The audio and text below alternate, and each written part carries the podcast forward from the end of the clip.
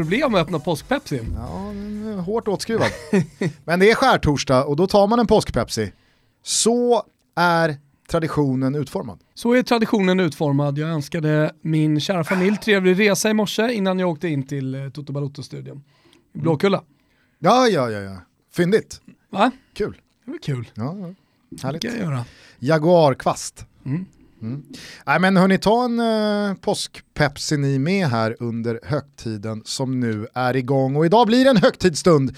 Toto Balotto ska nämligen lyfta på luren och ringa vår älskade vän Big Mike, Micke Lustig, Mm. lite av anledningen till att den här podden överhuvudtaget finns. Ja, det har vi väl påmint våra lyssnare om ett par gånger i alla fall. Men, men så är det ju faktiskt. Vi hade inte suttit här idag om det inte hade varit för Micke Lustig.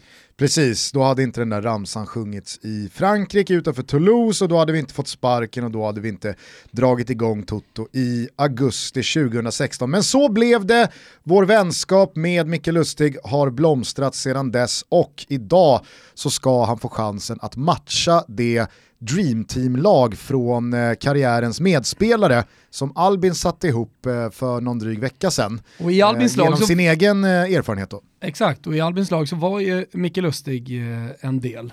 Så det blir intressant att se om Albin kommer in i Micke Lustigs Mm. lag. Är känslan så? Eller finns det bättre alternativ för Micke att välja? Så här, han är där, så att eh, jag tror att han är ett alternativ, men samtidigt så här innermittfältspositionen är ju svårare tror jag. Alltså det finns fler alternativ än en ytterback. Det är enklare att bara välja in Micke Lustig. Ja. Förstår du vad jag menar då? ja, och jag tror också att Lustig är ett givet val för många eftersom han känns som en sån oerhört härlig lagkamrat att ha. Ja. Alltså att det är inte bara, oj vad den här påskpepsin i bröstet direkt. Nej men det är inte bara kvaliteten ute på plan Nej. som spelar in i det valet, utan då, då, då tänker man, om man har varit lagkompis med, med Lustig, att så här, ja, men då får man ju alla härliga stunder och garv i omklädningsrummet och bra surr i WhatsApp. Och, nej, det, det, det, det spiller nog över och blir en helhetslösning att ta med eh, Big Mike Lustig. Vet du eh, vad jag läste häromdagen? Intervju med Camoranesi. När Nej. pratade vi om Camoranesi? Var det med Albin Ekdal ju för fan? Ja, det var det. Ja, han, tog han inte plats det? Jo, det till gjorde och med? Ja, han gjorde det. Jo, han, han berättade att han, eh, han pratade med Diego Armando Maradona innan VM-finalen 2006. Och då Maradona säger till honom att, vet du vad, du kan vara lugn. Camoranesi. Han sa så. Stai calmo. Mauro. Eh, eh, stai calmo Mauro. Eh, du kommer att bli världsmästare. Ja, har du något? Hade han sagt det innan turneringen hade det haft något. Ja. Men att säga det liksom inför en match, ja det är ju det är 50-50. Mm. Det är 50-50 på att han blir världsmästare eller inte. Ja men det är Chiro Ferrara som hur som helst pratade med Maradona och bara vänta, Diego har någonting att berätta för dig. Jaha. Ja. Okej. Och så fick han luren och då säger han att du kommer bli världsmästare. Spännande, men va, alltså Chiro Ferrara var, han var med i staben eller? Ja exakt. Han, han var med i staben, han har gått in i Chiro Ferraras eh, hotellrum och så säger han precis när han är på väg att gå, nej vänta, vänta, vänta, kom in igen, stäng dörren. Och så säger han, du jag sitter med Diego i luren. eh, och så säger han, han, han vill säga någonting till dig. Så säger han, vet du vad, du kommer bli världsmästare. Vad fan ska han säga då? Tjena, det är Diego, vet du vad? Tänk på överstegsfinten. Sur torsk blir det idag. Exakt. En riktigt sur torsk och du kommer bli utbytt. Ja, ja, eh, du, eh, på tal om Chiro Ferrara faktiskt, det var ju en väldigt, väldigt nickstark mittback. Men jag nåddes nyligen av en intervju med Bruno Alves, Parmas portugisiska mittback. Mm. Han hade eh, pratat här i en intervju nyligen och sagt att eh, Cristiano Ronaldo är ju en fantastisk huvudspelare, men han har aldrig vunnit en luftduell mot mig. Alltså, jag vet inte, Ska det här backtrackas av Toto Balotto nu innan du börjar ramla in mailen? hur, hur menar du? Ja, Jaha, okej, så alltså- att vi, Vi ska leta upp en Ja. nickduell mellan Cristiano Ronaldo och Bruno Alves som Cristiano vinner. Ja, nej men jag tar Bruno Alves på orden här. De har väl inte mött varandra så här jättemånga gånger, alltså, i och med att de har spelat nej men de har väl tränat Exakt, de har ju spelat jättemånga, de har ju varit på många träningsplaner ihop i och med landslaget och så vidare, men det har ju inte varit jättemånga duster i, i tävlingsmatcher och så vidare. Nej. Han har säkert rätt, och Bruno Alves kanske är en underskattad huvudspelare vad gäller liksom den yttersta nivån. Mycket går ju att säga om Bruno Alves, det är en robust jävel, mm. får man säga. Bra löd idag, dragit in ett par frisparkar här mm. i slutet av karriären också. Men såklart ett, eh, ett eh, monster i luften och har man aldrig torskat en nickduell mot Cristiano Ronaldo, då kanske man faktiskt har fog för att få skryta lite om det i en intervju. Absolut. Vem är annars skulle du säga den, den bästa huvudspelaren? Eh... Out there just nu? Äh, någonsin som du kanske upplevt. Någonsin? Rodskyldigt säger jag alltid på det. Ja, det har ju pratat, alltså rodskyldigt och så nämns Sköt ju Biroff. Biroff, eh, Biroff nämns ju tidigt hårdare. också. Nickade hårdare. Men när det kommer till, till mittbackar då? Alltså...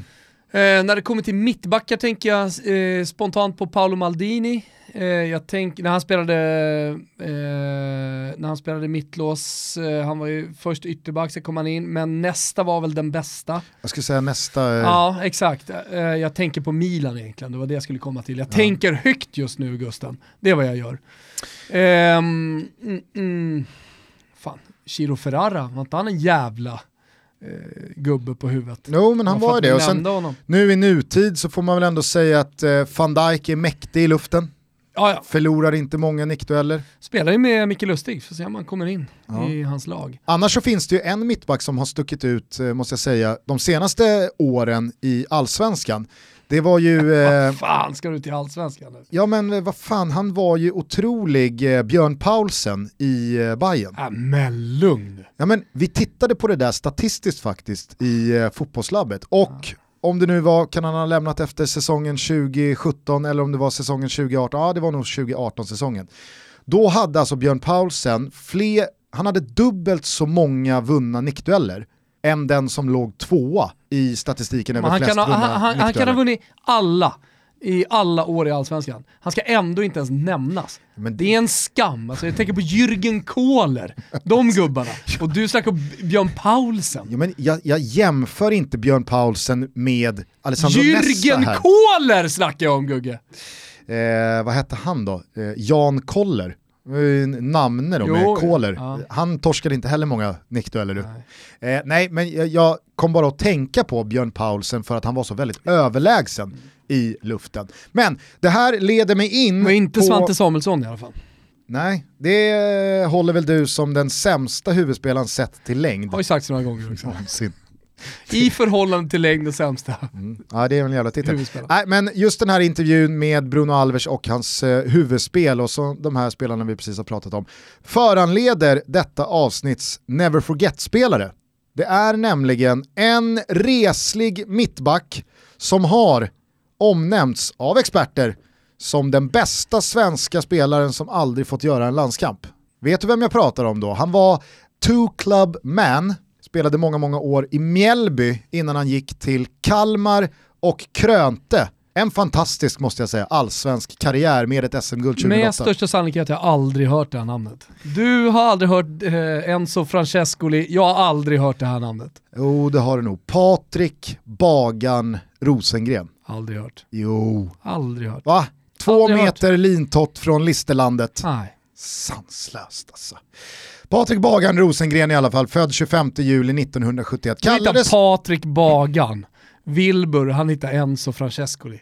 Ja. Där, är vi, där är vi olika, men det är kanske är det som gör Toto Balotto bra också. Ja herregud, ja. det är väl eh, härligt eh, så det förslår att det är så spridda skurar.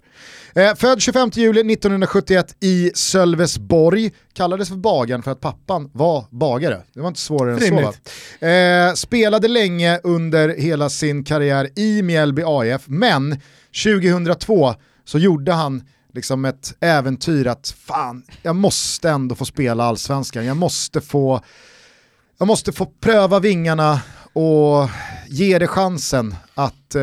Så han tog sig hela vägen till Kalmar. Ja, ja, och... Det är ett jävla äventyr genom glasriket. Och det ska ju sägas, Kalmar 2002, det var ju ett par år innan bröderna Elm och Henrik Rydström växlade ut och Cesar Santin och brassarna och Nanne verkligen hade börjat göra topplag av Kalmar. Men eh, Bagan eh, blev ju en stöttepelare i den där defensiven med Tobbe Karlsson, Petter Wastå i målet. Där har du namn som jag kan. Mm, det kan du. Mm.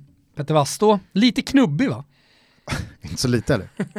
Men det är ju ingenting mot Robban i Rönninge som kom tillbaka smällfet när vi var på väg upp i, i, i trean. Nej, så, så var det säkert Nej. inte. Men Vasto, han var inte, det, det var inte, han kallades inte för El Flacco. Nej, Så det- kan vi, så kan vi nej, säga. nej. Eh, hur som helst då så blev ju eh, Bagan Rosengren där från sin mittbacksposition eh, en stöttepelare i det Kalmar som mot alla odds gick hela vägen och vann SM-guldet 2008. Sen så vände han tillbaka till Mjällby så han fick ju inte vara med på Europa festen okej. året efteråt. Trist. Då var äventyret slut tyckte jag. Rosen- Bagan han, han kände liksom att nej, nu, nu har han varit borta alldeles för länge från, från Mjällby. Ja, men jag vill minnas att eh, Kalmar åkte mot, eh, om det var Feyenoord eller AZ. Var han för dålig för att få nytt kontrakt helt eh, enkelt? Nej, utan när han löste det där SM-guldet, då så vände han hem till sin älskade moderklubb Mjällby 2009. Och vad händer då då? Jo, Bagan leder Mjällby till allsvenskt avancemang för första gången sedan 1985, alltså pre hans egen fotbollskarriär. Så att eh, 24 år senare så tar han sitt Mjällby till allsvenskan Ja igen. men det är ju mäktigt. Ja, det var otroligt alltså. Det, det, det, var ju ett, eh, det var ju ett sanslöst profiltätt Mjällby eh, i början på 10-talet. Jag vet inte om du kommer ihåg så här jättemånga spelare, men det har, det har varit... Eh, gissa. Nej, men, Jo men det var ju Chippen Wilhelmsson och gänget. Mustafa El Kabir, eh, Ja. Erton Fisola och... Var det Chippen? Chip, Chippen kom ju dit och gjorde en eh, sällan skådad märklig eh, insats. Alltså, Chippen har ju- spel, spelmässigt i relation till kritiken mot klubbledningen. Jo, nej men jag, jag, Chippen har en intressant karriär alltså. Han är en intressant Toto Balotto-gäst. Ja. Nej, men eh, Bagan var med då och eh, spelade två säsonger i Allsvenskan innan han 2012 definitivt avslutade elitkarriären. Och jag vet inte om jag håller med om att Bagan Rosengren är den bästa svenska fotbollsspelaren som aldrig fick göra en landskamp. Å andra sidan så har ju inte minst då januari-turnéerna de senaste 20 åren gett landskamper till en jävla massa halvdanna fotbollsspelare. Så att det är säkert en mycket mindre lista av kvalitetsgubbar eh, än vad man tror som inte har en landskamp. Men har du spontant ett motbud här till en svensk fotbollsspelare ja, som, som förtjänar att nämnas i det här sammanhanget? Al- A-landskamp. Ja det får man väl ändå Ja, förutsätta. det får man ändå förutsätta. Eh, alltså, man går ju alltid till Jonny Rödlund. Fantastisk spelare som aldrig lyckades. Men han lyckades ju aldrig heller. Alltså, Det var den lilla han, detaljen. gick ju till, han gick ju till Kina och alltså, han har ju själv sagt i någon intervju med DN att så här, men det var ändå rätt bra pengar där borta i Kina. Men jag, det var inga pengar som han sparade sen, utan han var ju tvungen att fortsätta arbeta. Eh, nej, nej, jag har inget motbud Gusten. Våra korrespondenter, Ola Andersson, gjorde Ola Andersson ingen landskamp? vet inte.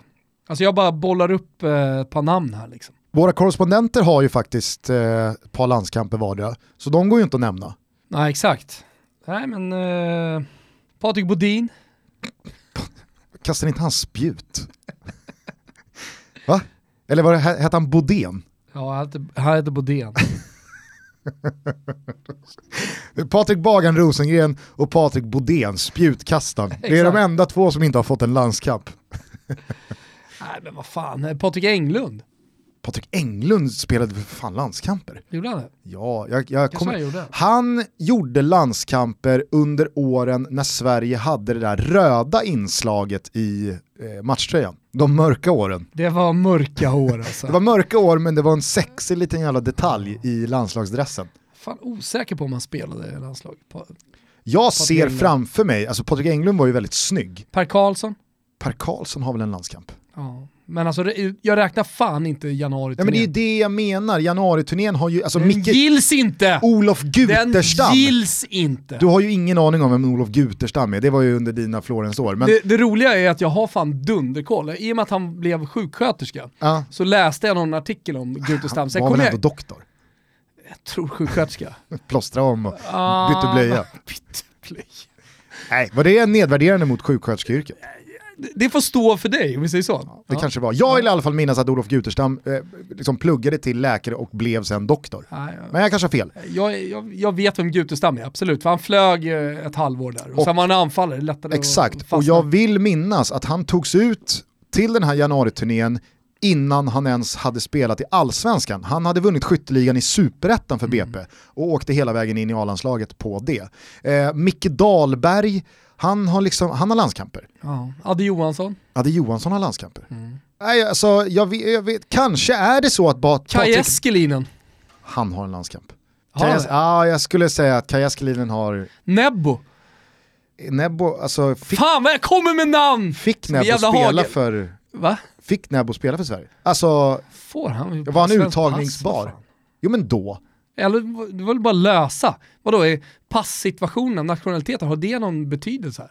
Han spelade ingen landskamp. Jo men för Sverige. Det finns väl hur jävla många bra spelare som helst som inte har fått en landskamp. Ja, men ändå. Nebbo är ändå Nebbo. Jag menar bara att Vill du ha fler namn? Pascal Simpson. Pagge gjorde väl ändå någon landskamp. Va? Fan, Dick Lidman. Jag bara, jag bara går på glagarna här. Dick Lidman måste ha gjort en landskamp. Nu Ja. ska vi se, Pascal Simpson. Knesevic. Pascal spelade- Simpson gjorde två landskamper 97. Vem var det du nämnde innan Nebbo? Eh, Kai Eskelinen. Kaj Eskelinen. Kai Eskelinen, nu ska vi se här. Kai Eskelinen. Fan vad jag har namn alltså. Jag har så många namn. Har du det? Jag har Hur många namn som helst Gugge. Jag menar han vann ju ändå skytteligan i allsvenskan. Kai Eskelinen gjorde aldrig någon landskamp. Ah, du ser ju. Vann skytteligan 1990 i Blåvitt. Mm. Var väl, alltså i och för sig, han, ja, han gick ju till brand men sen så var han ju ett dåligt Djurgården i mitten på 90-talet. Bjärsmyr. Eh, Bjärsmyr har landskamper. Ola Andersson har två i alla fall. Ja. ja men du ser ju, alla som har två landskamper, det är en januari-turné. Och that's it. Fanns januariturnén på 90-talet? Ja. Okej. Eh, alltså, inte omnämnd kanske som januariturnén, men alltså, Du är ändå förvånad hur mycket bra namn jag slänger ut här. ja, ligger på absolut. Ja, men gränsen. Kaj- Eskelinen, fast är Kaj Eskelinen bättre än Patrik Bagan Rosengren då? Du vet ju inte i och för sig vem Bagan är, så det är svårt för dig att, sä- att liksom ställa dem mot varandra. Men vi gör så här då, hör av er allihopa. Ja. Eh, inte minst via våra sociala medier, det är lättare för oss att se allt och svara på allting mer direkt där. Skicka in spelare, svenska spelare givetvis, som inte har gjort någon landskamp och sen så ser vi ifall vi håller dem högre än Patrik Bagan Rosengren, eller jag då, håller dem du. högre än Patrik Bagan Rosengren. Men än så länge, det ska du ha Tompa, än så länge är ditt bästa motbud Kai Eskelinen. Jajamän. Och då pratar vi A-landskamper och januariturné-landskamper är självklart okej. Det är ju det som är liksom, det är det Kaj som... Eskelinen, han det är det krigade som- mot Albeck och, och Zlatan och Henke och gänget va? Eh, nej, för fan. Ja han var ju 2000 var han ju bra. Ja, Då var han ju alltså, som bäst. Ka- Kaj Eskelinen vann skytteligan i Allsvenskan 1990. Krig mot Zlatan.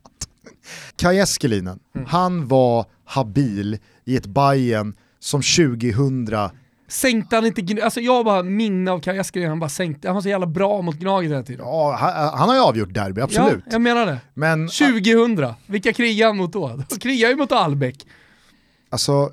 Det var frågan Albeck eller Eskelinen om, in. Om det är Peter Markstedt som ersätter Kaj Eskelinen, eller om de Åh, fanns i truppen skitbra namn. samtidigt 2000. Jag har dundernamn. Peter Markstedt. Nej.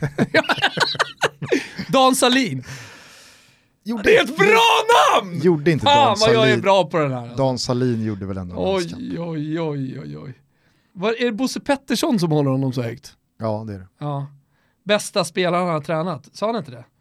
Eh, Från Västerhaninge? Dan Salin. Var ju också, var ju också ba- bandyspelare. Är han inte, är han inte, alltså inte Dan Salin dalmas? Nej, han är från, eh, han kanske är född där. Men han spelade i alla fall i Västerhaninge. Det är ju det enda jag har i huvudet, fan vet jag. Då är man stor. Nej men Västerhaninge var ju så lag som eh, alltså, mötte Rönninge, är du med? Därför, när han kom fram och var bra och alltihopa så, här, så, så tänkte man på Västerhaninge. Vänta här nu. En karriär som också innefattade landslagsspel Nej!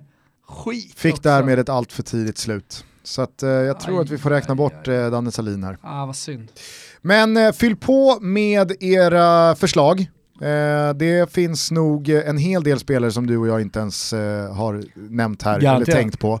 Säkert också många moderna. Jag menar tidigare, Fast de är inga roliga, de som fortfarande är aktiva. jag vet, jag menar bara att Så här, Bojanic, ja.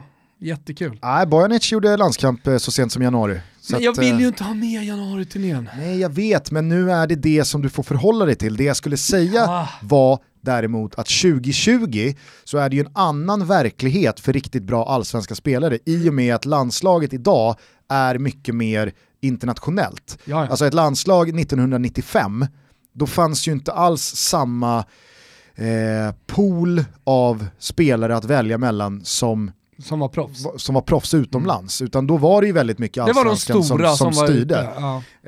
Eh, så att, eh, ja, jag vet inte. Men allsvenskan styrde, alltså landslaget eh, 95 var ju bara utlandsproffs. Absolut, men du kunde ju via eh, IFK Göteborg Bara, och fattar. topplagen Ja, ja. spela, Men alltså spela som landslaget eh, och vara Jo, en... men det kan du göra nu också. Tankovic. Okej, samtidigt som då, ja visst januariturnén vänder sig ju bara mot eh? Norden och, och, och eh, majoriteten eh, allsvenska spelare så att eh, det, det, det betas ju av ett par vassa gubbar som får en landskamp här och där varje år. Så att... Vi är sponsrade av Frank, Sveriges första renodlade PRP-klinik som jobbar för att bekämpa manligt håravfall. Ja, och när Frank eh, hörde av sig Gusten så höjde jag lite extra på ögonbrynen. Ja, du har eh, hår kvar i dem? Ja, det är klart jag har. Ja, härligt. Ja. nej men berätta, varför eh, träffar det här dig eh, Nej, jag- speciellt? Jag, jag går ju i tankarna på vad jag ska göra, det finns ju en massa olika metoder och eh, det var ju faktiskt så att jag hade kollat in Frank sen tidigare. Eh, jag tycker att det är en smidig lösning. Eh, många pratar om att åka någonstans, det är ett jävla projekt och så vidare.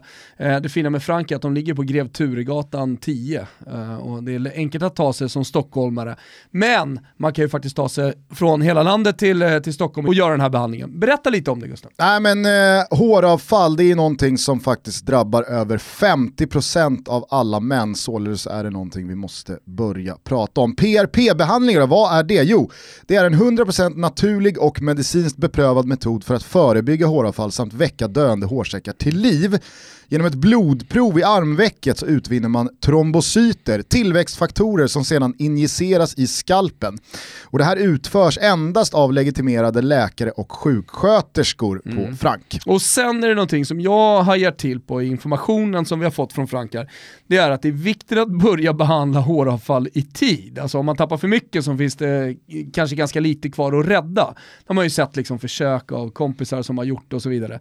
Eh, och jag börjar väl komma till det stadiet att det, äh, ja, men det, det är liksom läge. Och då kom ju koden som var tillsammans med Frank jäkligt lämpligt för mig och jag tänker också många av de män som lyssnar på den här podcasten Gusten. Berätta. Ja men det, det, innan vi kommer till koden så är det faktiskt inte bara män som drabbas av håravfall. Nej, PRP fungerar exakt lika bra på kvinnor så att alla ni eh, tjejer som hör det här också känner er inte exkluderade. Koden vi har i alla fall det är TUTTO med små bokstäver och då får man 15% rabatt på sin bokning. Den här koden gäller hela april ut men bokningen man gör gäller ett år framåt i tiden. Ja men det är bra för planeringen, speciellt eh, i de tider vi lever i nu. Så kan man ju boka till hösten eller ja, vad vet jag, till vinter om man känner för det. Och för bäst resultat så rekommenderar Frank en behandling som eh, innefattar fyra stycken behandlingar. De här tar max 30 minuter per gång och man gör då en behandling i månaden första tre månaderna. Sen så väntar man tre månader innan man avslutar behandlingen med den fjärde och sista. Så att eh, behandlingen totalt tar ett halvår och jag vill flagga för en annan detalj här. Det är att det inte bara gäller håret på huvudet. Det här kan fungera även för att stärka skäggväxt eller om man vill ta bort mörka ringar under ögonen. Ja det är bra. Och sen sista grejen då som fick mig att verkligen fastna för Frank, det är att behandlingen tar, som du var inne på, max 30 minuter. Och man kan gå till jobbet direkt efter. Det är smidigt, smidigheten. 15% med koden eh, TOTO eh, och det gäller alla paketlösningar. Du kan läsa mer om Frank och PRP-behandlingar på frankhair.com, hair alltså H-A-I-R. Och eh, där bokar man också sin behandling. Toto med små bokstäver ger dig 15% rabatt. Vi säger stort tack till Frank för att ni är med och möjliggör Toto Balotto. Bara för att knyta ihop säcken då, då Ja. här med Patrik Bagan Rosengren och det episka guld som Kalmar FF tog 2008. Det kan väl i alla fall du tillstå att det guldet var ändå, det var, det var ett guld som stack ut i och med då bröderna Elm och Nanne och köttar Henke Rydström på mitten med korta shortsen och rakad skalle och han hade varit med hela vägen sedan eh, division 2 och så vidare. Producenten till den film jag spelade huvudroll i, han mm. var stor Kalmar FF-supporter och det här var året efter, alltså som alla andra då spelades in. Eh, han pratade om det där guldet jämt och ständigt. Så att eh, Kalmar FFs guld är väldigt mycket han. Vill Bengt. man som allsvensk konnässör eller för den delen rödvit supporter återuppleva den här stunden så visar Simor Kalmars guldmatch från 2008 ikväll torsdag Wow. Va? Vilken skärtorsdag. Eh, andra guldkorn här under påsken är Elfsborgs guldmatch från 2012. Den visas på påskdagen på söndag. Och då visas även det galna 3-3-derbyt mellan AIK och Djurgården från 2003. Kan du vem som eh, hyschade Soran Lukic va? på tilläggstid? Samuel Ayo, Ayo. Rinde. Rinde. Jo, då. Samuel Ayo Rinde har jag koll på Gugge. Så kul ska vi inte ha här. Du kan legenden va? Eh, när, jag tror att det är Johan Elmander som eh, i 75 minuten mm. gör 3-0. Och eh, då ringer om det är Soran Lukic eller någon i Djurgårdens ledarstab, då ringer de och bokar bord. Om det är på typ eh, Teatergrillen eller någonstans ja. där de skulle. Även Brillo fanns ju inte på den tiden. Man ska inte jinxa någonting, men nu, nu är det 3-0 och det är kvarten kvar.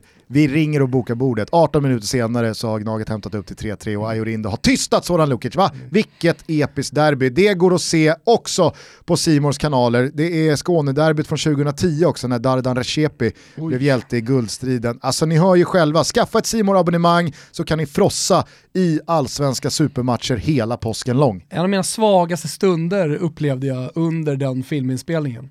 Eh, då hade vi under tre veckors tid då filmat varje dag och Bengt och hans fru eh, Margareta hade varit med och varit nära och gjort mat till oss, gjort köttbullmackor till lunch och ja, varit till och med med som skådespelare eh, i, i filmen. Så har vi gått från deras hus en lång grusväg upp till bilen.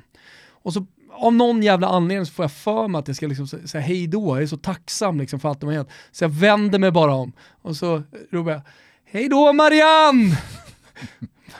och, då stod en, och så sätter jag i bilen och Johan Paulsen, regissören, hon heter, de står liksom kvar och ska rätta mig. Så jag åker vidare och Johan sa hon heter, hon heter Margareta. Ja, det var tungt. Ja, det var tungt. Ja. Eh, hörni, never forget Patrik Bagan Rosengren. Never forget. Du, på tal om landslag Gusten, har det inte blivit dags? Att? Ringa Big Mike Lustig. Jo. Nu kör vi bara, lyft luren. Tack. Hallå? Hej. Nu är det ingen jättebra mottagning verkar det som. Är det skitdåligt eller? Ja, det är skitdåligt. Jag kör på 4G då. Du har inte satt på 4G? Kör snåla runt på 3G? Jag prövar ringa upp. Ja, okej. Okay. Ja, vi ringer upp. Vi testar här då. Är det bättre nu eller? Ja, mycket bättre. Nu är det bra. Så ja, nu är det. Man började undra vad fan det var för sign-on du löste i somras egentligen. det gjorde att du fick snåla in på 4G. Du, eh, vi säger varmt välkommen till Mikael Lustig till Toto Balutto. Hur är läget? Ja, men tusen tack. Uh, jo, men det är bra. Solen skiner här i Belgien, så att, uh, det kunde varit värre. Har ni strikta coronaregler där borta? Jo, men det är det väl. Uh, men denna vecka så tränar vi faktiskt två, två pass i, i veckan på träningsanläggningen. Så att eh, det är skönt att inte få behöva ut och, och, och löpa på egen hand. Då. Så att, eh, men annars så, det som gäller är väl att man ska vara inomhus. Man får vara ute en gång om dagen. Eh, max två personer om det inte är en familj. Då. Och sen är det okej okay att eh, åka och handla och så. Eh, men det, resten är stängt. Det är apotek och, och supermarket som är öppet. Resten är stängt. Vad fan hör ni från eh, klubben då? Alltså vad, vad, vad sägs? Vad är planen? Finns det någon prognos eh, om eh, hur säsongen avslutas eller eh, när det tas upp igen? Ja, men Belgien var ju först ut nu. Vi gick ut förra veckan och sa att, att säsongen var över. Eh, sen har väl hänt... Efter det så blev väl Uefa lite sura att, eh, att Belgien skulle det beslutet. Så att eh, det som jag har hört, senaste som jag har hört är att det ska ta ett, ett nytt beslut innan den 15 april. Men som det som det låter så, så är säsongen över här. Och jag tror de flesta klubbar var, var ja, tycker att det var ett bra beslut. Då. Så att, eh, får vi se här 15 april vad som händer. Men i det, i det initiala beslutet, då var det bara, men vi stryker ett streck över säsongen, ingen åker ur, ingen går upp, ingen vinner någonting. Nej, utan eh, det var ingen åker ur. De två, eh, ettan och tvåan i division 2 då, går upp. Eh, Klubb Brygge kommer vinna, vi som ligger tvåa kommer tvåa. Liksom. Så man, man hamnar på den position som man, som man är på. Och hur, uh, hur, uh, hur, hur, känner du kring det? Är det fair eller?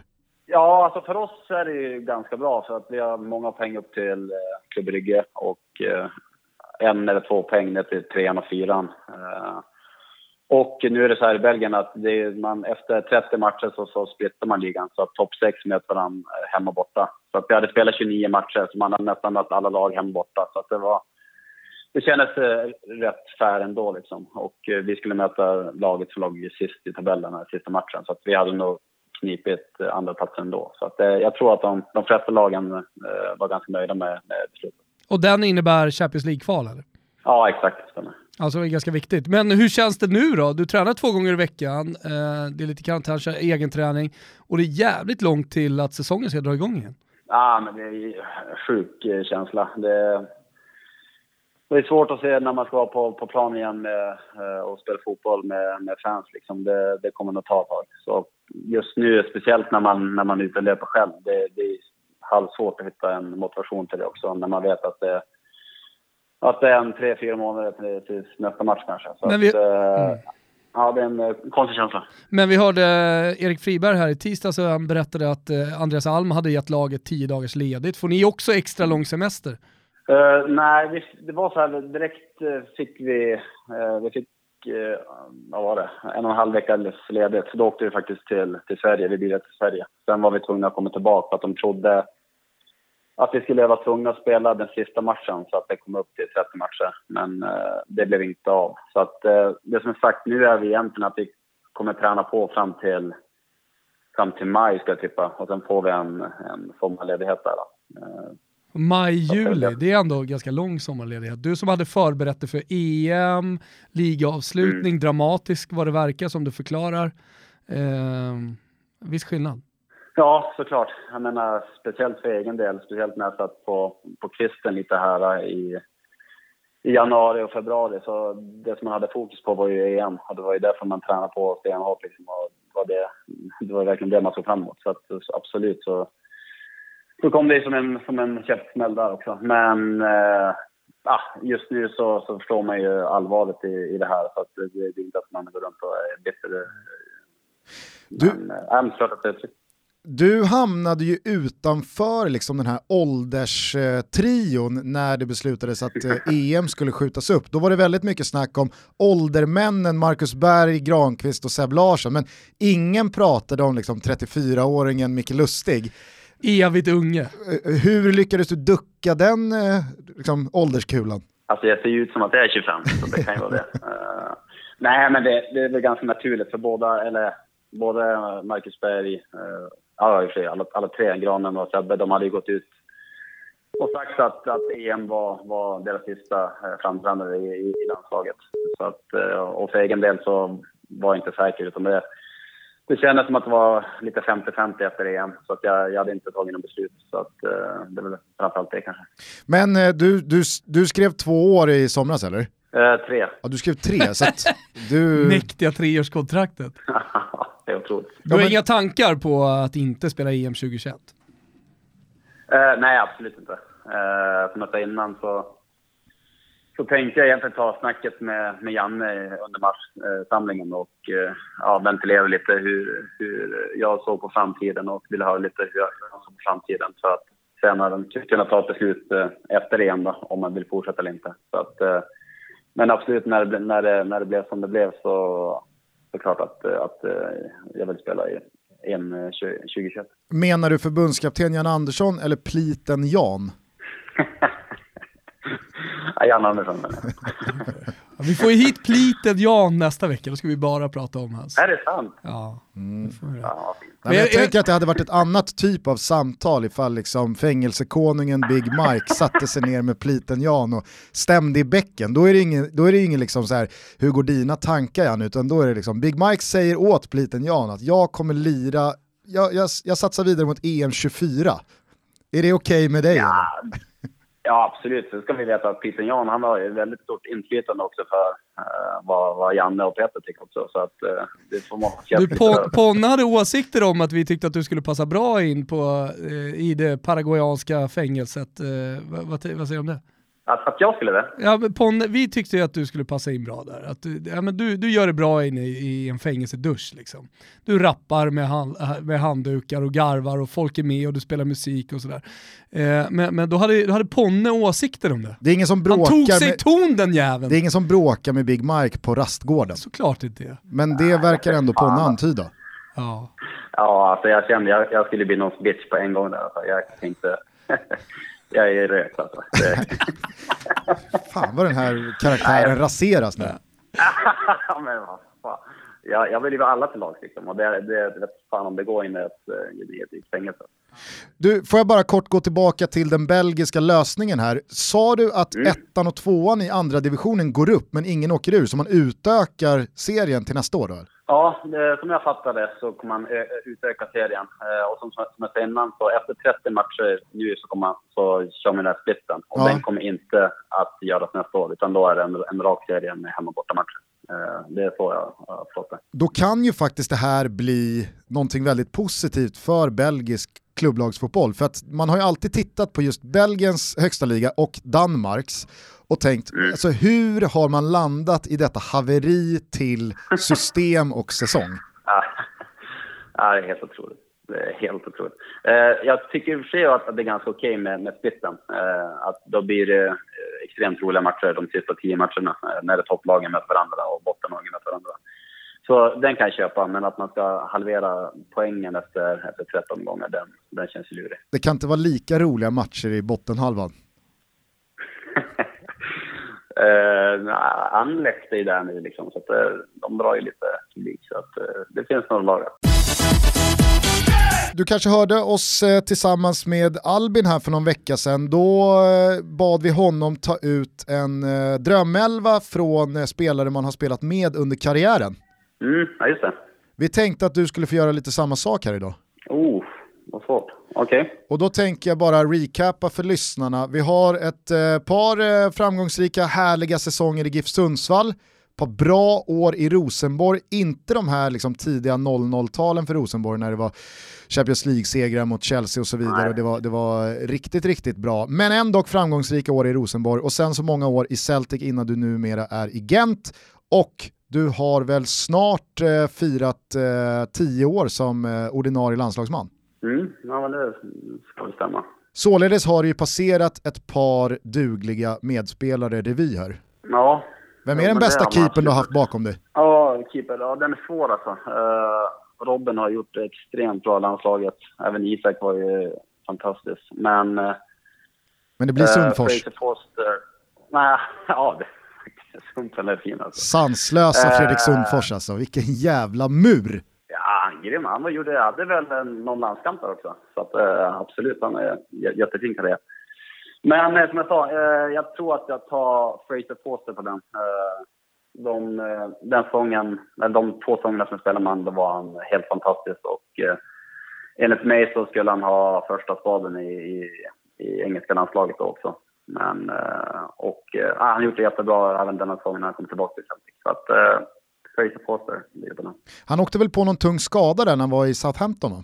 Ja, det, det började med en skada och sen bytte de eh, coach. Eh, och sen var han inte ens nära att vara på bänken. Alltså, jag tror han satt eh, egentligen två år på, på läktaren och, och inte gjorde någonting. Nej, det var en jävla snurr på målvaktspositionen där. Ja, precis. Och eh, speciellt när, som jag sa innan, han var ju med i, i engelska landslaget. Eh, var väl två, tre där bakom Joe Hart. Eh, så att, eh, ja, en lite konstig karriär men eh, men hans, hans problem var att han spelade i Skottland, alltså, inte att Celtic var dåliga eller så, men det brukar bli så med de stora landslagen. Eh, Spanien, Italien, i alla fall historiskt så var det ju så att eh, åkte man utomlands då, då hade man svårt att ta, in, ta sig in i, i, i landslaget, i alla fall ta en första tröja som målvakt. Ja, absolut. Ja men absolut så var det. Eh, exakt. Han gjorde jättebra i Skottland men när han väl med landslaget var det på grund av de här Barcelona-matcherna där han spikade igen liksom. Så att, eh, det var ju då han fick sin, sin flytt till Premier League också och fick visa att han var en bra målvakt. Du, en eh, personlig favorit, i synnerhet sett till just personlighet, är ju Tommy Naurin. Korsades era vägar någon gång eller hade du hunnit lämna när han kom till Sundsvall? Nej, jag, jag, jag lämnat. Sen har jag säkert mött honom någon gång, men eh, nej, han har aldrig spelat med Kanske hade haft svårt att ta, ta sig in i laget ändå. Eh, till vänster då, i backlinjen, hur spelar du? Är det fyrback? Uh, det måste bli en fyrback. Uh, fan, det är svårt alltså. Fan, uh, det blir ju annars spännande direkt om du börjar från höger. ja, uh, ja men den är, den, den är klar. Den kan, den kan, den kan ta sist. Uh, nej men vänsterback, en personlig favorit är Oskar Wendt. Uh, nu har väl inte han fått uh, uh, den karriären i, i, i landslaget. Som han borde och, fått? Ja, men som man, ja, kanske med, med en annan tränare eller ett annat eh, spelsystem. Eh, absolut, för det, det är verkligen en fotbollsspelare som Nej men alltså, på, man ser på träningarna, han kan kliva in som minimitt mitt och dominera där. Liksom. Och det är bara kolla vad han har gjort i, i Mönchengladbach i, ja, vad är det, 7, 8, 9 år. Eh, spela i ett, i ett, ett topplag i, i Bundesliga. Så att eh, han borde ha absolut mer cred än, eh, och mer uppmärksamhet än vad, än vad han har fått. Eh, sen har vi såklart Ludde som aldrig gör en dålig match och varit fantastisk och kommer ha en fantastisk karriär.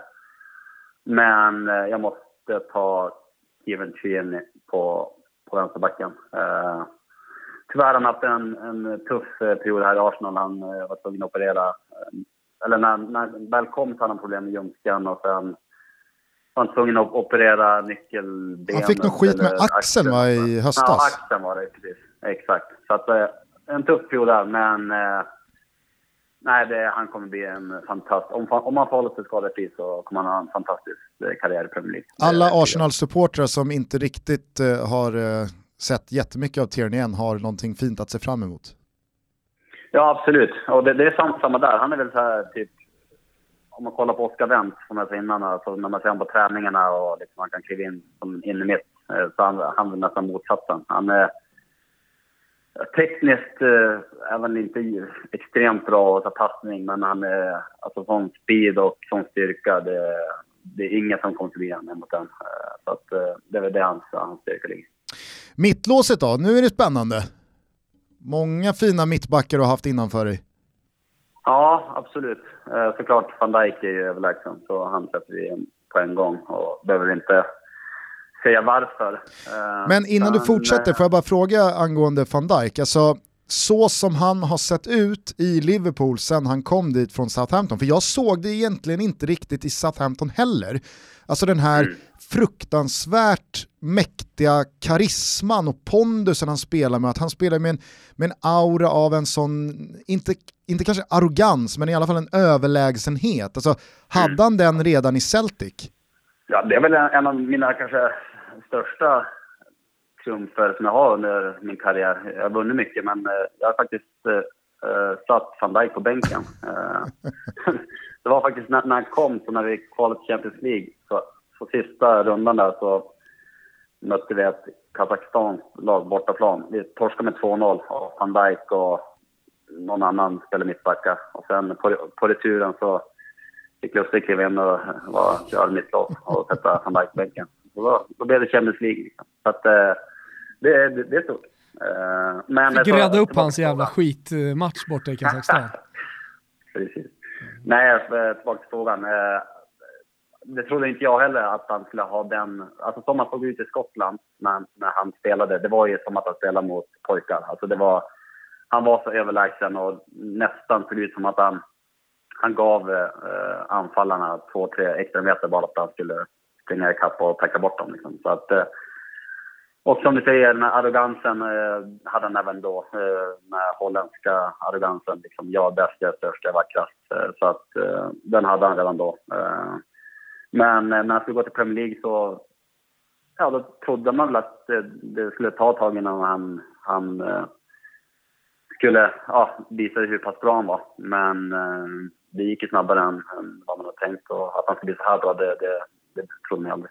Vem har han bredvid sig då? Eh, det får bli Victor Lindelöf Nilsson.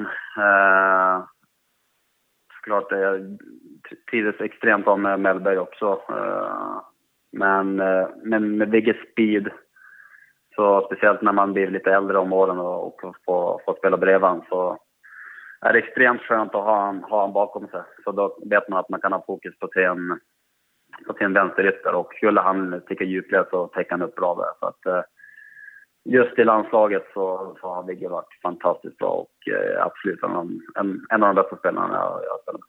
Backlinje med Wendt, van Dijk, eh, Vigge och eh, Lustig? Nej, men Tierney blev det på den. På Nej, sorry, sorry, just det, just det. Just det. Tierney, ja, van Dijk, Vigge, Digmark. Ja. ja, precis. Det, den är fin. Är det någon eh, från eh, Rosenborg och Giffarna som du har fått eh, bita dig i läppen här och tvingats välja bort? Eller är, är, det, är det ett sånt eh, oceanhav av eh, kvalitetsskillnad? Nej, men det är det inte. Alltså, I Rosenborg så har vi några, alltså, en, en sån som Steffen Iversen. Eh, han var inte sin fysiska kanske topp när, när jag var där, men eh, talangmässigt så är han absolut eh, där uppe. Eh, och sen, eh, jag var med där. Eh, Per Siljan Skelberg tycker jag var fantastiskt bra också. Men det är inget som får, får plats i... Vad heter han? Skörbjugg? Skörbjugg, ja. hur, hur högt upp på spelarlistan kommer Joel Cedergren? Uh, ja. Nja, vad ska jag ah, säga där, nu? Du, du, har redan sagt allt Big Mac. Ja, det, det det, Ge oss ett mittfält. Nej, jag måste faktiskt säga något om Joel. För, för det var ju verkligen så. Uh, han kom ju tillbaka, han var ju vända i, i Norge med Giffarna. Så när han kom tillbaka, uh, speciellt hur han ser ut liksom. Han är flintskallig och liksom riktigt uh, robust och ser extremt farlig ut. Då tänkte jag att det här är en riktig köttare liksom. Men Eh, Eh, det enda han ville köra det var ju tiki-taka liksom. Det var trianglar och det var... Så att, eh, och det visade han även sen med, med Giffarna när han tog över, att de ville spela det spelet. Så att... Eh, eh nu tyvärr blev det som det blev. Eh, han tycker väl... Ja, man hade inte ekonomin att försöka hålla kvar alla spelare. Men uh, jag tror verkligen Joel kommer vara en fantastisk tränare och, hoppas att, och, att han fortsätter och, och gnugga på. Han fick ju bära ett orättvist hundhuvud i fjol. Det får man ändå ja, tillstå. Men verkligen. Ja, om vi ska röra oss framåt då, är det tre manna mittfält eller uh, spelar du fyrmanna? Uh, vänta, måste tänka här då. Uh, alltså jag har ju en högerytter som jag måste in. Så då måste det bli 4-4-2 då. Mm. Om inte annat ska... Ja, vi kör 4-4-2. Uh, uh, uh, ja, vilken vill du börja med på? Vänster eller höger? Ja, men, Håll, kör lite cliffhanger på högen då, så börja med vänster. Vänstern eh, så tar jag Emil Forsberg. Eh, nej, men en fantastisk talang och varit extremt viktig för, för vår offensiv i landslaget. Speciellt när vi har, när vi har spelat som vi gör, när, när det krävs mycket i, i det defensiva. Så har han varit en, en extremt viktig utväg för i, i vårt offensiva spel. Så att, eh, och det, samma där ser man på träningarna vilken kvalitet han besitter. Så att eh, Emil tar den platsen. Mm. Är han den bästa spelare som eh, lämnat Sundsvall? Ja, överlägsen. överlägsen. Nej, jag tänkte att du skulle ja, ja. nämna dig själv där. Men... Nej. Ödmjukt av dig. Nej. Okej, Emil Forsberg till vänster. Sen så har vi väl Scott Brown på en av två innermittfältsplatser, hoppas jag.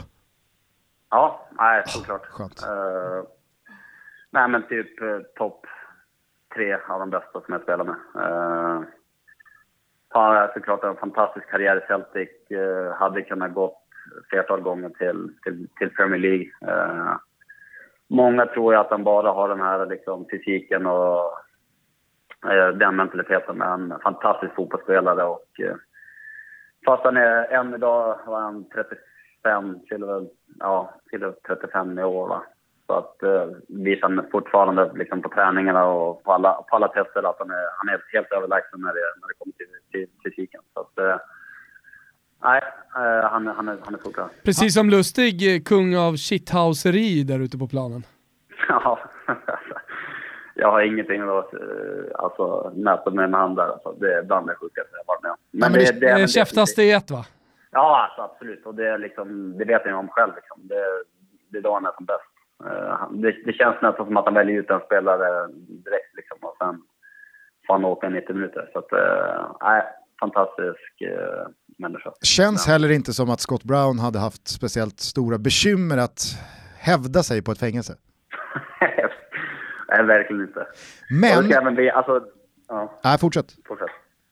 Nej, men jag tänker det också. Liksom, han, han har ju fått den... Alltså, man, man tror ju att han är som en, en sån person också, även utanför fotbollen. Men det ska sägas att varje dag, jag tror jag aldrig jag sett han liksom varit förbannad eller någonting. Så han kom in och är positiv och en fantastisk lagkapten. Eh, det spelar ingen roll om det, om det är ung eller gammal eller fransman eller skotte. Han, han går hem och slåss alla. Så att, äh, kaptensmässigt så är han head over heels. Liksom. Det, Ja, jag skulle säga det också att eh, man har ju också fått en väldigt positiv bild av honom som person medialt. Alltså på fotbollsplan så både ser han ju ut och för sig och rör sig mm. som ett råskinn och det är macho och det är mans man och så vidare. Men de intervjuer man har läst och han eh, gick väl i, i främsta ledet han och för, Albin. Ja, men för exakt, hbtq-rörelsen och mm. alla människors lika värde. Så han verkar ju vara en jävligt sympatisk person. Ja, verkligen. Och eh, han har varit så extremt viktig liksom, eh, röst för, för oss spelare. För han, han har ju tät kontakt såklart med, med tränare men med, även med, med styrelsen och så. Här. så att, eh, han, han, gör ett extremt jobb utanför fotbollen och har varit så extremt viktig för, för Celtic eh, och eh, kommer även vara det eh, när han väl, när han väl slutar också.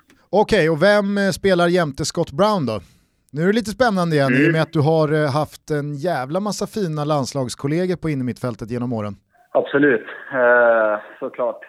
De som poppar upp direkt är ju Kim, Anders, Albin. Kämpa Seb Larsson. Ja, Sebbe såklart. Men han spelar mycket, nästan spelar mer man på högerytter. Eh, men även där alltså såklart eh, han ska nämnas. Eh. Vad har vi för internationella namn då som är uppe och krigar? Ja, om man ska ta någon från, från Gent här och då är det vår kapten Vadis Odidja. Eh, som har haft en lite brokig karriär, varit över i Norwich, i Legia och Olympiakos. Eh, han är fantastiskt duktig och en extrem talang. Eh, nu är han upp mot 31, 32, men eh, han är också där och nosar. Sen har jag väl Victor Wanyama som var till djur. Eh, i mina första år i Celtic eh, och haft en bra karriär även efter det. Så att, eh, Alltså jag kan inte tänka mig ett fysiskt starkare innermittfältspar än Victor Wanyama och Scott Brown. Precis. Ja, de spelar ju många matcher ihop där också. Kan och, ha, de kan inte ha förlorat en enda match alltså, i mittfältslaget? nej, de var extremt starka. Och, nej, men skön, alltså, jättebra person också. Uh, så det är väl lite, han är inte spelat egentligen de senaste två åren i Tottenham, så då glöms han ju bort lite. Men eh, den, den höjden, liksom, den var, den var extrem. Så, eh, ja, det får nog bli han alltså. Det får nog bli Wanyama. Så ingen av dina gamla mittfältskompisar eh, i landslaget? På innermittfältet alltså? Ja, men det, ja, men det är ju så. Alltså, såklart Kim, om man kollar på hans eh, karriär liksom, och när han var i sin peak i Beyond så då hade jag säkert kunnat valt han också. Uh, men det, ja, fan vad svårt alltså. Uh, man vill heller inte trampa någon på tårna. jag tror att, nu har jag ändå nämnt några stycken här så jag hoppas att, att det räcker som. Uh, Uh, nej, fan, Wanyama kommer jag aldrig lyssna på Toto Balotto, så jag tar bort honom. Uh, Säg inte det. jag är så jävla konflikträdd alltså. Uh, uh, vad fan vad svårt. Och gå på högen då så får du gå tillbaka till in i mitten. Vem tar du till höger? Ja, till höger tar jag James Forrest. Eh, som såklart spelat i Celtic i alla år. Eh, har väl haft sina up and downs, men när han väl eh, är bra så är han, alltså det... Ah, shit vilken, vilken eh, wing. Eh, speciellt när man blir lite äldre också, när man inte, när man inte var lika mer offensiv. Och den eh, som vi spelade under när, när Brennan kom också, när var nästan en trebackslinje, så jag var nästan aldrig riktigt offensiv. Så det var mer att man, man gav bollen till han och sen fick han göra allt själv. Så att, eh, och det kan han verkligen göra också. Så att, eh, Men är han kvar? Det, ja, han är kvar. Så att han, har, han har varit där i alla år. Var det lite att, samma med, som med, med, med Brown eller för Forrest, att det har funnits massa anbud men han har stannat?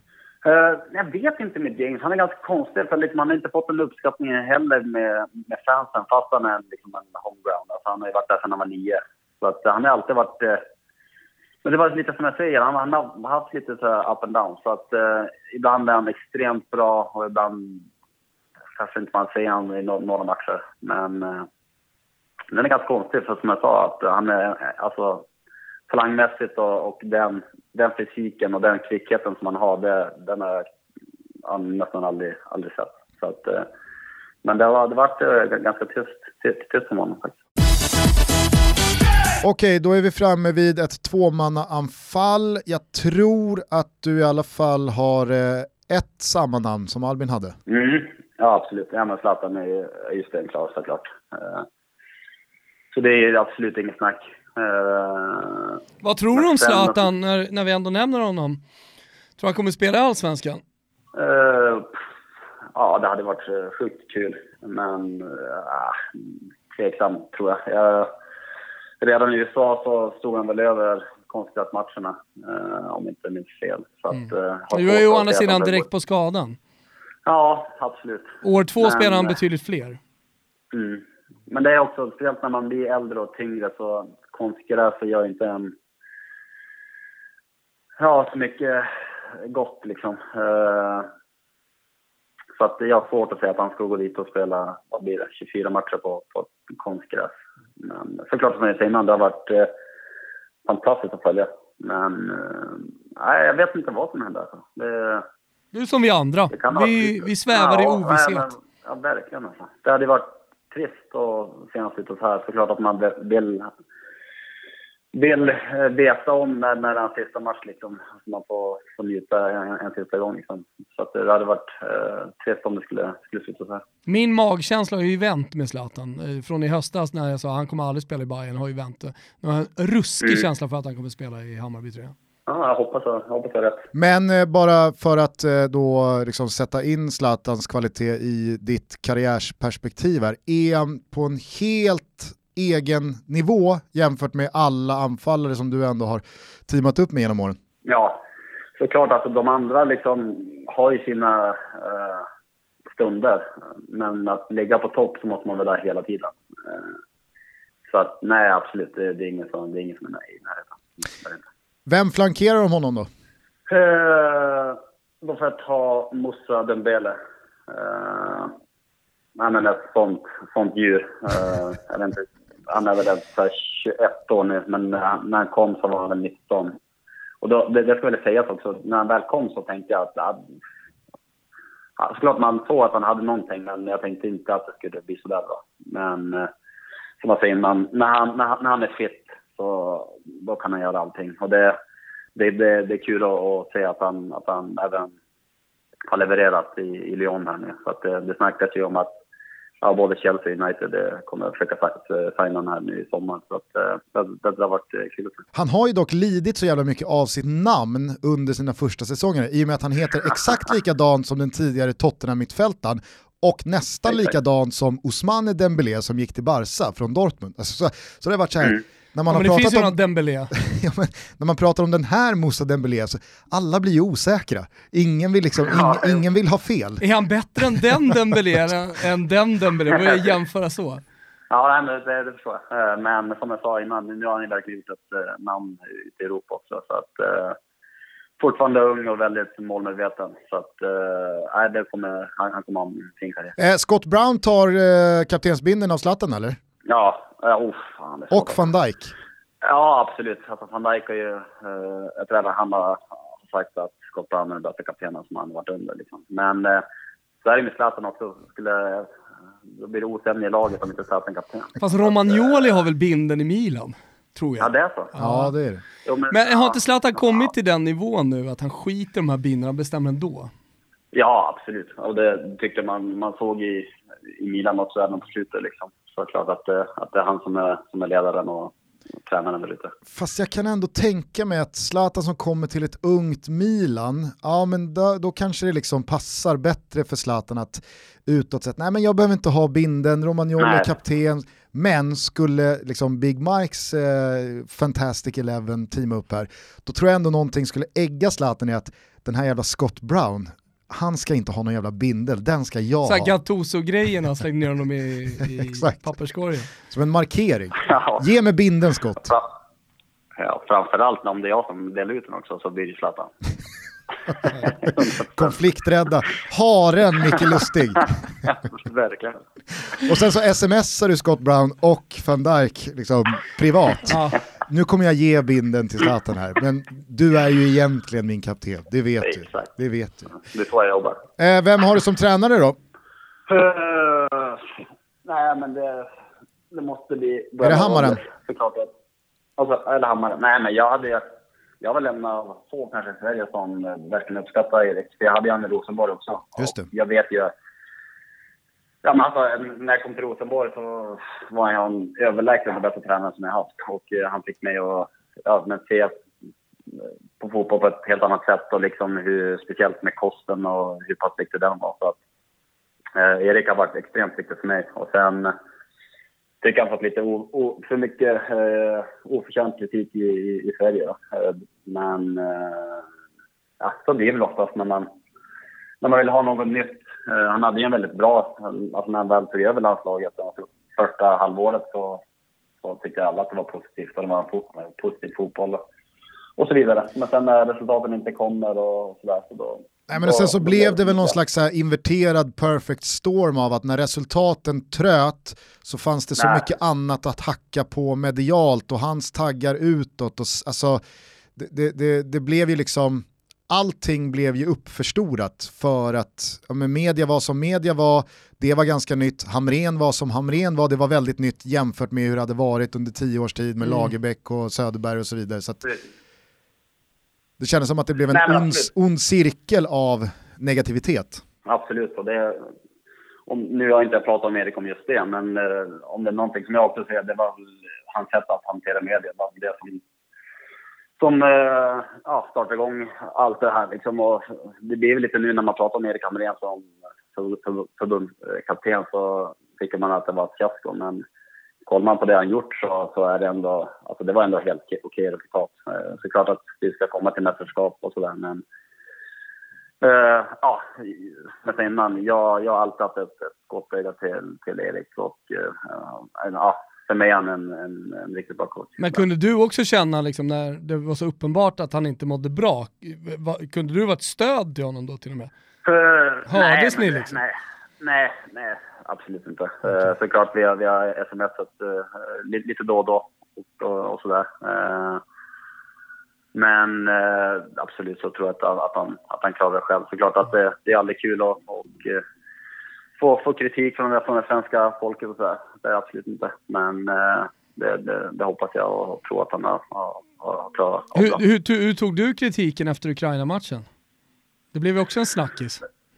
Ja, men absolut. Uh, sen om jag gjorde Hålla stolpen, det var första virala- Ja. Ja, första virala grejen i Sverige. Ja, men precis. Exakt. Det var just när det slog igenom det. Såklart hade det hänt eh, några år innan så var det nog inte många som hade, hade nämnt det. Men eh, såklart, det, det är tufft. Eh, speciellt under ett mästerskap. Då är det ju, man försöker hitta sådana eh, saker. Och, eh, speciellt om man förlorar med 2-1. Och eh, det blir en sån, en sån situation. Impact. Så, så blir, ja, men precis. Så, så, så blir det ju att eh, man, man vill gärna ha en syndabock. Och det, då blev det jag. Och det var, nej men absolut, det var, det var kul. Det var det. Men eh, trots eh, upprättelsen här för Erik Hamrén, är det han som eh, står vid sidlinjen här när ditt lag springer ut till match mot Albins Dito eller väljer du en annan tränare? Nej, jag får välja Brendan Rodgers på den. Eh, såklart att han, han lämnade mitt kära Celtic på ett sätt som jag eh, och många fans tyckte var, var sådär. Eh, men om man bara kollar på, på hur han är som tränare så är han överlägsen. Eh, eh han kom i ett, i, ett, eh, i ett läge där vi hade gjort en ganska dålig säsong och det, vi visste inte riktigt vart eh, vi var på väg. Och han kom in och ändrade hela ja, men klubbens sätt att se på liksom, eh, eh professionalitet. Eh, allt ifrån kocken till, eh, ja, men till, till spelarna, till städarna. Liksom, allt skulle vara professionellt. Eh, och eh, nej, men taktiskt också, hur han vill spela fotboll. Det var kolla på Leicester. Han tog ett, ett Leicester som spelar en kontringsfotboll och helt plötsligt så är de ett possession-lag och, och, gör det fantastiskt bra. Så att, eh, nej, otrolig, otrolig tränare. Vem tror du Brendan Rodgers hade valt av de alternativen du har till den sista centrala mittfältspositionen? Uh, uh, då hade han nog valt uh, Callum McGregor, uh, en annan Celtic, uh, som blev lite av hans favoritspelare. Uh, en spelare som kan Ja, man kan spela egentligen på, på alla positioner. Uh, löper extremt mycket och jättefin passningsspelare. Så han, han hade nog valt han. Men nu är det du som bestämmer. Ja, exakt. Men eh, jag fick just frågan av Thomas vad Brennan hade sagt. Ja, ja, jag säger bara, ja, men nu är det du som bestämmer så att blir... blir det McGregor? Fan, nu fick man en tillrättavisning av Big Mike. Helvete! Kommer han må dåligt sen efter det här Micke? För han känner att han har en konflikt här nu med Gustav. Det är som med Backman. jag, jag kommer ringa Gustav sen och se. Alltså. Jag ber om ursäkt. Uh, Uh, nej, fan vad svårt. Uh, jag får välja Kim är jättefin alltså med sin vänsterfot. Han har nog passat bra med Scott Brown också. Uh, Snyggt. Albin, jo Albin är där också. Så det, uh. Albin lyssnar. Ja, vi, ja, Albin lyssnar, det vet jag. Vet. uh, nej men alltså, jag, jag sa ju Wanyama innan. Jag, jag, jag får hålla fast vid det. Uh, så pass bra, men när han var som bäst så, så var han ett djur. Och det visade han även. Liksom, han gjorde det jättebra i Southampton och tog, tog, en plats direkt när han kom till Tottenham, Tottenham också. Och uh, ja, det, det är inte många som gör det. Brokigt lag, men härligt. Ja, då har vi alltså en 4-4-2 med Forster i mål, Tierney, van Dijk, Vigge, Lustig. Ut till höger har vi Forrest, inne mittfältspar, Victor Wanyama, Scott Brown, Emil Forsberg till vänster, Zlatan på topp bredvid Moussa Dembélé. Vilken Moussa Dembélé? Jo, den Moussa Dembélé. ja, Rattat bra. av Brendan Rodgers. Ja. Du, eh, jag, jag, tänkte bara på en sak tidigare, jag måste fråga, du sa att du bilade hem och sen så antar jag då att ni bilade tillbaka med tanke på det rådande läget. Kommer man ens förbi gränserna eller fick ni hålla på att köra runt? Och... Hur, hur, hur, hur gick det till? Ja, det var ganska spännande. Det kändes som att man gjorde något kriminellt. Eh, på vägen tillbaka så var det, var det ganska lugnt. Den första kontrollen var eh, just innan färjan från Tyskland till Danmark. Eh, och då sa de att vi skulle vända om. Eh, men då visade det att vi hade svenskt pass och vi sa att vi skulle hem till Sverige. Så det, det var inga problem. Eh, och sen andra kontrollen var Danmark till Sverige och det var absolut inget problem där. Eh, på vägen tillbaka var vi lite mer nervös för då kändes det som att de hade reglerna hade blivit lite mer eh, tuffa. Och sen hade jag snackat med vår tränare här i Gent också. Han, han var tvungen att prata med den belgiska polisen i ja, över tio minuter för att försöka komma in i landet. Och till slut gick det. Då. Att, men, eh, men, stod ni då vid gränsen och väntade på att eh, tränaren skulle lösa det med den belgiska polisen? Nej, inte vi då. Men eh, han åkte någon dag innan, så jag snackade med min man innan jag skulle åka från från Sverige till, till Belgien. Det hade ju varit helt sjukt om du bara veckor efter vi hade pratat om det i podden fängslas. Deporteras till Paraguay för att sitta av ett tvåårigt straff. Ja, det hade varit bra. Men när du sa hem, var, var, det Västerås då eller pratar vi Gent, Umeå tur och retur med bil? För det låter som Nej, en jävla sträcka. Nej, exakt. Nej, vi ville ju upp till Umeå men det, när vi var, väl var Västerås så kändes sju, åtta timmar till var, kändes inte... Ja, vi, var, vi var inte sugna på den. Så att, det, här, det, var, det var rätt bra. Det här superhuset som Jossan eh, har jobbat på under en lång tid, det ligger väl ändå i Västerås? Ja, exakt. Ja, just det. Det måste ju också bebos ibland, tänker jag. Ja, absolut. Hur, eh, hur mycket hörs ni eh, i landslagstråden här nu då när det är coronapaus på hela säsongen och det skulle varit EM och så? Är det deppig stämning eller eh, håller ni humöret uppe? Det är väldigt, väldigt tyst från den just nu faktiskt. Såklart man har sina mm, egna grupper som man, som man har snackat lite med. Men just eh, landslags-WhatsApp-grupperna, de har varit tyst nu i, i några veckor. faktiskt. Kanske ska du veva Kanske igång den igen då? Ja, men det kanske är dags. Mm. Säg det, jag petade dig Albin.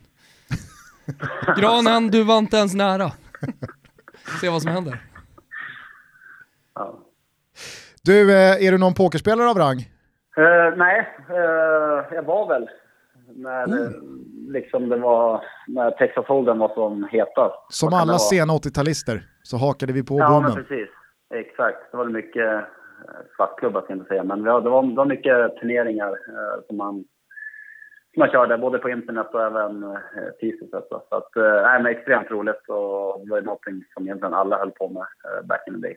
Så att, eh, nej, det, när det vankas poker så klart att eh, då, då är jag med. Ja, om du vill, vågar och kan så är du hjärtligt välkommen att ställa upp i påskpoker-tutto på söndag 20.00 hos Betsson. Oh, ja det ska jag fan... Absolut. Fribben är med, eh, Danne Larsson är med. Ja, Vi nu- är med. Vi är med. Nu sluter folk till vet du. Ja men kul. Ja men det är absolut. Söndag 20.00. Söndag 20.00, det var över 1000 pers i premiären i söndag så att vi hoppas på att ännu fler är med här nu på söndag. Ja, grymt. Ja, men jag, jag, jag, jag, jag är med. Hetsa dina grupper också. Eh, det, det, det blir roligt. Grymt. För jag misstänker att även Gent eh, har eh, föreslagit att spelartruppen ska gå ner i lön och eventuellt permitteras och så vidare. Då kan det vara bra med ett litet extra tillskott i familjekassan. Det där huset i Västerås ser dyrt ut i driften. Ja, fan alltså. Det, ligger, ja, oh, det är bara in och försöka dubbla på en gång. Ja, det är bra. Hörru du eh, Big Mike, fan vad kul att vi fick ringa och eh, snacka lite med dig. Ja, det var kul. Kul. Det var länge sedan. Eh, håll igång här nu under träningsvåren så får vi väl helt enkelt se vad det bestäms den 15 april. Jajamän. Annars får vi gratulera till andra platsen. Tack så mycket. Jag, jag tar ut den redan nu. Ja, men det är härligt. Ta hand om dig så kanske vi ses på söndag 20.00 då. Vid ett bord. Detsamma. Härligt. Ciao tutti! Ciao tutti! Ciao, tutti. Ja men vad trevligt att prata med Micke. Verkligen, och kul också att vi eh, precis värvade en till eh, deltagare till eh, Påskpokertutto på söndag. Och kom ihåg, när det gäller spel hos Betsson så behöver du vara 18 år fyllda och upplever du att du eller någon annan anhörig har problem med spel så finns alltid stödlinjen.se. Jajamensan, det här avsnittet lider mot sitt slut hörni. Vi vill önska alla en trevlig påsk. Var inte för nära riskgrupperna. Tvätta händerna, men ät också lite påsklamm. Det är väl det man gör. Mm. Verkligen. Jag tycker också att eh, lyssnarna ska få lyssna till det inrikeskorrespondent jingelbidrag som superproducent Kimpa Wirsén knåpade ihop. Han rycktes med och gjorde slag i saken av någons idé att eh, byta ut ordet freedom till Friberg i David Hasselhoffs klassiska I've been looking for freedom i samband med Berlinmurens fall 89. Så att eh, eh, inte bara har vi då två jinglar i eh, Kimpas verktygslåda från och med nu, utan även tre när han stoppar ner sitt eget bidrag. Och så tycker jag att eh, efter då det här jingelförslaget från superproducent Kim Wirsén, att vi bara går över på att lyssna på, eh, avslutar med eh, I've been looking for freedom hela låten. Det är Så gör vi. en bra idé. Hörni, buona Pasqua! Glad påsk betyder det på italienska. Ciao tutti! Ciao tutti! Och han når Friberg igen och då är det 3-0 Malmö FF! Ja, det är bra avslutade tur i mål!